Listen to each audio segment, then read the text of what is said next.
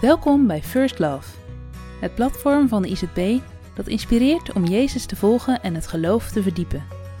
Vanuit de Bijbel delen christelijke schrijvers vanuit verschillende expertises en inzicht over thema's die iedereen raken. Deze bijdrage gaat over nabij zijn en is geschreven door Eline de Bo.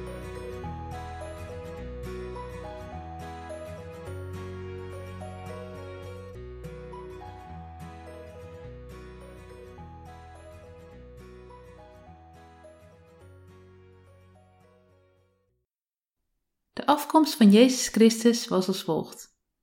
Toen zijn moeder Maria al was uitgehuwelijkt aan Jozef, maar nog niet bij hem woonde, bleek ze zwanger te zijn door de Heilige Geest. Haar man Jozef, die een rechtschapen mens was, wilde haar niet in opspraak brengen en dacht erover haar in het geheim te verstoten. Toen hij dit overwoog, verscheen hem in een droom een engel van de Heer. De engel zei: Jozef, zoon van David, Wees niet bang je vrouw Maria bij je te nemen, want het kind dat ze draagt is verwekt door de Heilige Geest. Ze zal een zoon baren.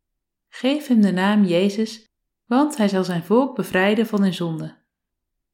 Dit alles is gebeurd opdat in vervulling zou gaan wat bij monden van de profeet door de Heer is gezegd. De maagd zal zwanger zijn en een zoon baren. En men zal hem de naam Emmanuel geven, wat in onze taal betekent God met ons. Matthäus 1, vers 18 tot 23. Hij schrijft het woord met statige letters in zijn dagboek. Anderhalve meter samenleving. Dagboek is een te mooi woord voor het oude schrift van de Hema dat hij bij het opruimen van de spullen van zijn vrouw Maartje gevonden had. Ze was vlak voor haar dood begonnen dingen op te schrijven waar ze dankbaar voor was. Jozua's omarming in de ochtend en zijn kus in de avond was het laatste wat ze zelf met moeizame letters had vermeld. De bladzijden waren bobbelig. Hij hoefde niet te raden naar de reden.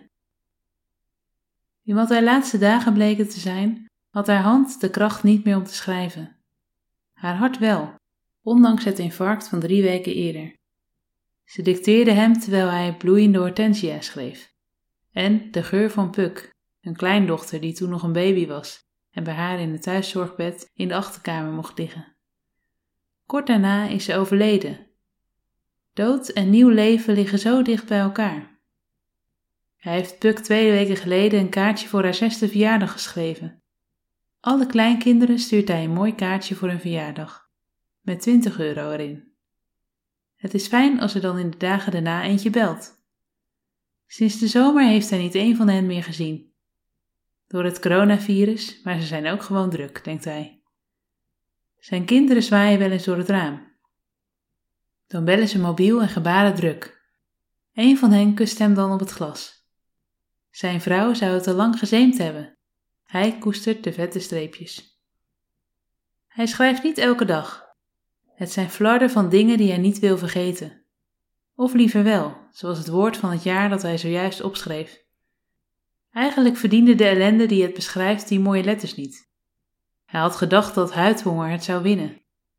Met zijn 87 jaar en longemfyseem is hij een onaanraakbare geworden. De laatste persoon die hij voelde was de doktersassistente die met latex handschoenen en een mondkapje zijn bloeddruk opnam. Hij heeft er nog een bloeduitstorting van. Een confronterend bewijs van zijn kwetsbaarheid. Hij mag niet klagen, er staan mensen om hem heen. Zijn kinderen komen soms langs, letterlijk dan. Dan vindt hij een tasje met een potje van zijn favoriete zure haring of pindarotjes aan de deur. Het staat allemaal nog in de kast, hij heeft maar weinig trek meer. Hij laat zelfs hen niet binnen, op advies van dezelfde doktersassistenten. Ook de buurvrouw met haar trage hond kuiert elke dag voorbij en controleert opzichtig of ze hem in leven ziet. En hij krijgt wel eens een telefoontje van de bezoekdame van de kerk. Vandaag is het kerst. Het kerststolletje dat zijn dochter al aan de deur had gehangen toen hij geen moed had om op te staan, snijdt hij toch maar aan. Op het raam ziet hij een nieuwe kus.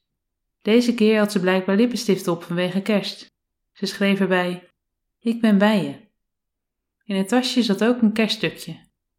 Hij zet het op de keukentafel en rommelt in de la op zoek naar lucifers. Hij wacht nog even met de kaars aansteken. Vandaag wil hij zich wel fatsoenlijk aankleden met stropdas en al. Hij realiseert zich dat hij bezoek krijgt. Degene trekt zich niets aan van de strenge lockdown. Hij komt zelf uit quarantaine waar geen virus dreigt. Deze gast kiest ervoor om zichzelf bloot te stellen aan alle gebrokenheid hier. Het zal zijn dood worden. Maar hij zoekt de onaanraakbare op, omarmt ze. Jozua zet voor het eerst in maanden een tweede bordje klaar, vlak naast dat van hem. Met een bibberende hand steekt hij de kaars aan. De suiker op zijn stoel ziet er feestelijk uit. Voor hij zijn handen vouwt, opent hij het dagboek. Hij slaat de bladzijde om en schrijft Immanuel, met een streep eronder.